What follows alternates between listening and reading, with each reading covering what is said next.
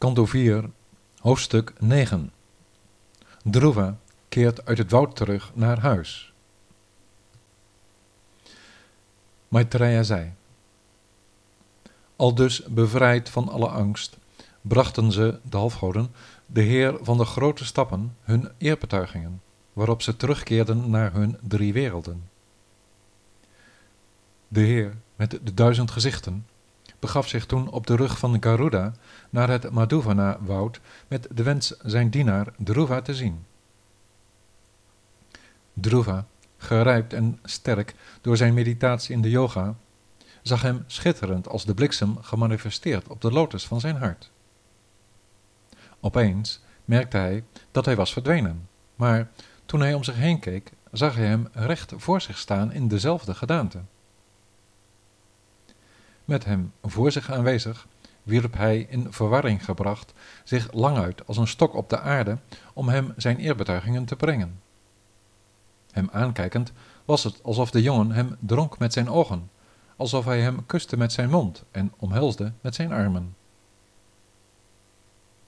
Toen hij zag dat hij hem wilde verheerlijken, maar niet goed wist hoe dat moest, beroerde de Heer, die het gebed is in overeenstemming met de geschriften in het hart van een ieder, vol begrip voor de jongen, genadevol zijn voorhoofd met zijn schelphoorn. Daarmee de inspiratie ontvangend om te kunnen zeggen wat hij wilde, kon hij, langzaam, zijn gebeden doend in de liefde van zijn toewijding, begrijpen waar het met het opperste van de ziel allemaal om ging, en dat hij de bekende en beroemde Druva zou zijn, wiens wereld niet te ontkennen was. Druva zei, Laat me u mijn eerbetuigingen brengen, o Allerhoogste Heer en oorspronkelijke persoon, die als de ene van binnen, vanuit uw innerlijk vermogen, de universele energie dirigeert en mijn woorden en adem binnengaand, mijn passieve zinnen als ook mijn armen, benen, handen en huid tot leven heeft gewekt. U bent de ene, Allerhoogste Heer, die, na middels zijn eigen vermogen deze immense buitenwereld genaamd Maya geschapen te hebben, dat onbegrensd complete van de werkelijkheid met zijn geaardheden, toen als de oorspronkelijke persoon erin bent binnengegaan, om in de tijdgebonden kwaliteiten op verschillende manieren te verschijnen, zoals vuur dat doet in brandhout. Hij van overgave aan u, Brahma, kon, als een man die ontwaakt uit zijn slaap, dit hele universum overzien dankzij de kennis die u verschafte, o mijn Heer. Hoe kan iemand, die op de hoogte is van uw handelen, nu uw lotusvoeten, die de beschutting vormen voor een ieder die naar bevrijding verlangt, buiten beschouwing laten, o vriend van hen die te lijden hebben? Het leidt geen twijfel dat u, de oorzaak van de bevrijding van geboorte en dood, als een wensboom bent voor hen die het, verkerend onder de invloed van de buitenwereld, ons breekt aan de juiste levensopvatting en u aanbidden met nevenmotieven in een verlangen naar de bevrediging van de zinnen van deze zak met botten, een bevrediging die zelfs beschikbaar is voor hen die in de hel verkeren. De gelukzaligheid van uw schittering, die zich voor belichaamde zielen kan voordoen als ze op uw lotusvoeten mediteren of als ze luisteren naar de verhalen van uw toegewijden, doet zich nimmer voor met het onpersoonlijk allerhoogste Brahman en is ook niet te vergelijken met dat wat men ervaart in het persoonlijk bezetten van verheven posities waaruit men gedoemd is ten val te komen, vernietigd door het zwaard van de tijd. Laat het zo zijn dat ik, dol op het drinken van de nectar van de verhalen over uw kwaliteiten, de intieme omgang mag genieten met hen die voortdurend bezig zijn in uw toegewijde dienst, o onbegrensde, met die grote toegewijden door wiens gezuiverde harten men met gemak de verschrikkelijke en enorme oceaan van gevaren kan oversteken die het materieel bestaan vormt. Zij, o lieve Heer, denken nooit aan het materiële lichaam dat men zozeer koestert in de relatie met zoons, vrienden, thuis, wilde en vrouw. Zij, o Heer van de lotusnavel, hebben de omgang bereikt met hen die in hun harten altijd de geur dragen van uw lotusvoeten. Ik weet dat de verschillende dieren, bomen, vogels, reptielen, goden, demonen en mensen zich op grond van uw kosmische intelligentie, dan weer zichtbaar en dan weer niet gemanifesteerd, rondbewegen in uw grofstoffelijke gedaante, o ongeborene. Maar van deze bovenzinnelijke gedaante, o Allerhoogste, had ik geen idee. Aan al mijn argumentatie is nu een einde gekomen. Aan het einde van ieder tijdperk trekt de Allerhoogste Persoon alles van dit universum terug in zijn buik. En ligt hij in zelfreflectie in het gezelschap van Ananta Shesha, die zijn wet vormt. Uit de oceaan van zijn navel ontspringt de gouden verblijfplaats met Brahma op de werveling van de lotus. Hem, die Allerhoogste Heer, bied ik mijn eerbetuigingen. U bent de eeuwige, bevrijde, zuivere, allerhoogste ziel vol van kennis, de onveranderlijke, eigenlijke, oorspronkelijke persoon, de opperheer en heerser over de drie geaardheden, de constante intelligentie dwars door alle handelingen van het intellect heen, de bovenzinnelijke visie en getuige, de handhaver, de genieter en hij wiens positie verschilt van alle anderen. U, in wiens natuur altijd de van elkaar verschillende, tegengestelde energieën van kennis en onwetendheid worden aangetroffen, u die dat continuerende Brahman bent, u, de oorzaak van de materiële manifestatie, de oorspronkelijke en onbeperkte ene, altijd gelukzalig, betoon ik mijn respect. Vergeleken met andere zegeningen vormen uw lotusvoeten de ware zegening, o mijn Heer, en al dus bent u, als zodanig, de verpersoonlijking van het levensdoel van iedere mens, o geliefde fortuinlijke. U, vol van ijver, uw genade te doen nederdalen, draagt zoals een koe voor een kalf zorgt, zorg voor hen die minder van genade zijn zoals ik.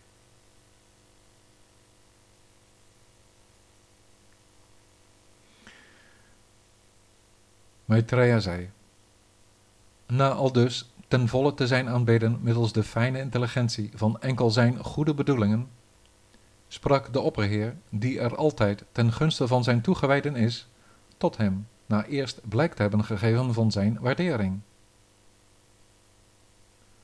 De Allerhoogste Heer zei, Ik weet waar je in je hart toe besloten hebt, o zoon van de koning. Aangezien je zweert bij het vrome, zal ik je alle fortuin schenken, hoewel het een wens betreft die moeilijk te vervullen is. Nog nooit eerder, mijn beste jongen, slaagde iemand anders erin zich op zo'n helder stralende plaats als de planeet van Druva in te stellen, waaromheen alle andere planeten en sterrenbeelden draaien, zoals een groep stieren ronddraaien die vastzitten aan een paal in het midden. Het is de planeet waaromheen, met hem aan hun rechterzijde, samen met de sterren draaiend, al de grote wijzen van het woud zich bewegen zoals Dharma, Agni, Kashyapa en Shukra, wiens levens zich uitstrekken voorbij een millennium. Op het moment dat je vader naar het woud vertrekt, zal de hele wereld je loon zijn. Ze zal onder jouw vrome heerschappij voor de duur van 36.000 jaar ononderbroken onder de volledige controle van jouw vermogen staan als je broer Uttama, die tijdens de jacht de dood zal vinden, in het woud wordt gezocht door zijn zeer verdrietige moeder, zal ze in een bosbrand belanden. Na voor mij, het hart van alle offers, grote offers te hebben gebracht en vele gulle giften te hebben uitgedeeld, zal je, nadat je de zegeningen van deze wereld hebt genoten, aan het eind van je leven in staat zijn mij te herinneren. Daarna zal je je op weg begeven naar mijn verblijfplaats, die op alle planeten wordt aanbeden en die zich bevindt boven die van de rishis. Als je die plaats hebt bereikt, zal je nooit meer terugkeren.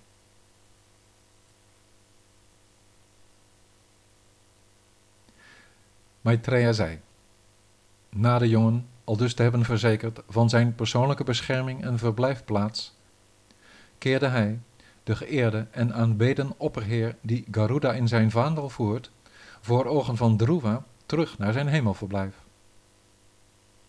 Hoewel Dhruva de voeten van Heer Vishnu had bereikt als gevolg van zijn dienstbaarheid, was hij niet erg blij met de voldoening die hij aan zijn vastberadenheid ontleende en keerde hij terug naar huis. Vidura zei: met de zeer geconcentreerde aanbidding van zijn lotusvoeten had hij in één enkel leven de zelden bereikte allerhoogste positie van de Heer verworven. Hoe kwam het dat hij, het eenmaal zo ver gebracht hebbend en zo wijs zijnd, zich niettemin innerlijk onvoldaan voelde?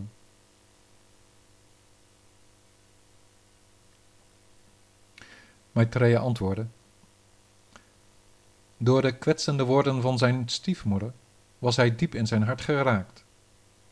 Ze zich allemaal herinnerend, wenste hij niet te worden bevrijd door de Heer van de Verlossing en leed hij daarom verdriet. Dhruva zei tot zichzelf: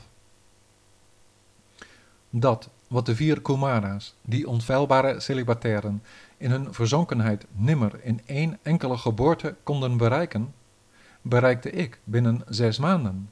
Maar met het bereiken van de toevlucht van zijn lotusvoeten kwam ik ten val, omdat ik mijn zinnen op iets anders had gezet. Kijk nu eens hoe dwaas en onfortuinlijk ik met mijn lichamelijk belang ben. Ik benaderde de lotusvoeten van hem die alle banden kan doorbreken, maar bad voor dat wat vergankelijk is. Mijn intelligentie raakte besmet door het onvermogen van de halfgoden het te kunnen verdragen weer naar een aards bestaan terug te moeten keren. En daarom kon ik, me beroerd voelend, de waarheid van Narada's instructies niet aanvaarden. Alsof ik droomde in mijn slaap, zocht ik mijn toevlucht in de begoochelende energie van de Heer en was ik vol zelfbeklag. Gevangen in dualiteit, klaagde ik onder de invloed van de buitenwereld erover dat mijn broer mijn vijand was, ook al behoorde hij tot de tijdelijkheid. Dit waar ik voor bad, is zo nutteloos als iemand die al dood is medicijnen geven. Na de ziel van het universum tevreden te hebben gesteld met boetedoeningen, iets dat zeer lastig te volbrengen is, bad ik in mijn ongeluk tot de Heer, met wie men met de wereld kapt, voor materiële voldoening. Hem die bereid was me zijn volledige onafhankelijkheid te schenken, vroeg ik helaas uit dwaasheid om materiële voorspoed. Het is als een arme man die een grote en liefdadige keizer, die onder de indruk is van zijn deugd, vraagt om een paar gebroken korrels gepelde rijst.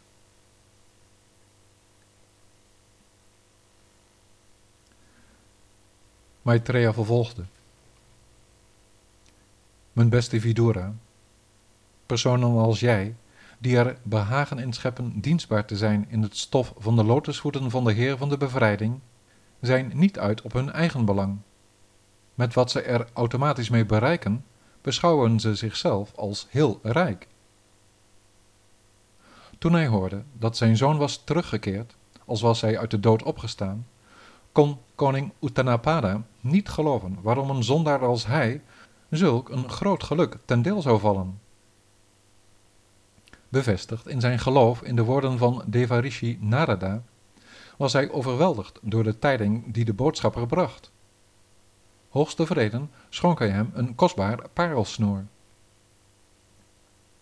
Zeer begeerig zijn zoon te zien, beklom hij in grote haast een met goud beslagen wagen getrokken door de fijnste paarden en verliet toen, begeleid door het geluid van schelphoorns, pauken, fluiten en het gezang van hymnen, de stad samen met de Brahmanen, de ouderen en zijn officieren, bewindslieden en vrienden. Zijn beide koninginnen, Sunichi en Suruchi, gingen, behangen met hun goud, samen met Uttama in een draagstoel zitten en voegden zich bij de optocht. Zijn zoon, in een klein bos in de buurt ontmoetend, haastte de koning zich van zijn wagen en raakte, toen hij hem benaderde, direct overmand door liefde. Zwaar ademend door zijn grote bezorgdheid, omhelsde hij langdurig met zijn beide armen hem, wiens gebondenheid aan de eindeloze materiële besmetting was vernietigd door de lotusvoeten van de Heer. Keer op keer besnuffelde hij zijn hoofd en baadde hij, nu zijn grootste wens in vervulling was gegaan, zijn zoon met het koele water van zijn ogen. Nadat hij zijn vaders voeten had gerespecteerd en hij door hem was gezegend en vereerd met vragen, boog hij, de nobelste van alle zielen, zijn hoofd voor zijn twee moeders. Toen de onschuldige jongen aan haar voeten neerviel, tilde Suruchi hem op, omhelsde hem en sprak ze, verstikt door de tranen, tot hem de woorden mogen je lang leven een ieder over wiens kwaliteiten en vriendschap de allerhoogste persoonlijkheid Herari tevreden is ontvangt het respect van alle levende wezens net zo vanzelfsprekend als water dat uit zichzelf naar de laagste plek stroomt Uttama en Dhruva, beiden overmand door hun emoties, omhelsden met hun haren overeind elkaar keer op keer en lieten hun tranen de vrije loop. Suniti, zijn moeder, omhelsde haar zoon die haar dierbaarder was dan haar eigen levensadem en vergat, er tevreden over zijn lichaam aan te raken, al haar verdriet.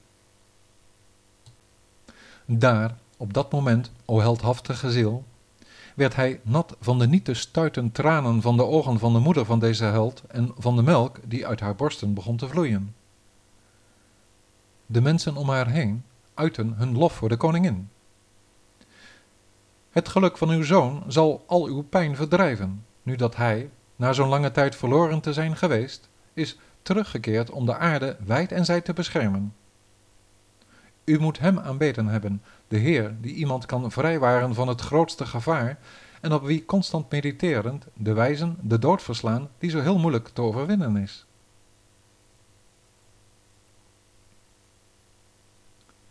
Druva, al dus geprezen door de mensen om hem heen, werd door de koning samen met zijn broer op de rug van een vrouwtjesolifant gezet en keerde, daarmee behaagd en gevierd, terug naar zijn hoofdstad. Hier en daar waren er prachtige haaientandvormige feestbogen opgericht, als ook jonge betelnootbomen en rijen bananenstammen met trossen bloemen en vruchten. Bij iedere poort was er een versiering van hangende mangobladeren, stoffen, bloemenslingers en parelkettingen, samen met potten gevuld met water en brandende lampen. De stadspoorten, met de omringende muren, de huizen en de koepels van het paleis, schitterden aan alle kanten, prachtig versierd als ze waren met kostbare gouden ornamenten.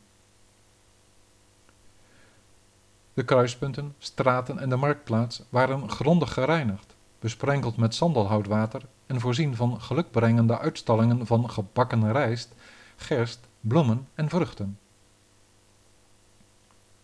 Toen ze Druva op straat zagen, strooiden de huisvrouwen hier en daar, onder het roepen van liefdevolle zegeningen, wit mosterdzaad gerst, yoghurt, water, vers gras, bloemen en vruchten over hem uit. Met de klanken van een zeer aangename liederen in zijn oren betrad hij al dus het paleis van zijn vader. In die fijne woning, die overdekt was met mozaïeken van kostbaar gesteente, leefde hij, die onder de voortdurende zorg van zijn vader tot de hoogste status was verheven, als een god.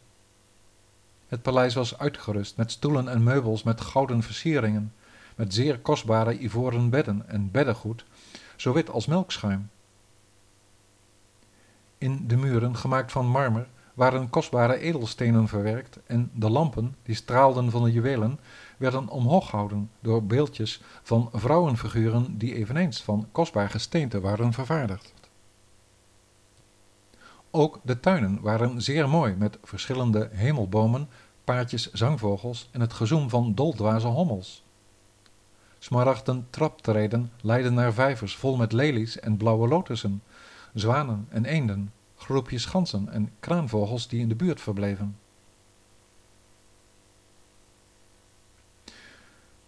Toen de rechtschapen koning Utanapada vernam over en ook zag wat de hoogst bewonderenswaardige invloed was van zijn zoon, voelde hij zich zeer gelukkig over dat grote wonder. Zo gauw hij zag dat Druva volwassen genoeg was qua leeftijd en ook werd gewaardeerd door zijn ministers en geliefd was bij zijn onderdanen, maakte hij hem heer en meester over de wereld. Hij, deze koning van Vishnu, beschouwde zichzelf toen eveneens oud genoeg en ging voor zijn zielenheil onthecht het woud in.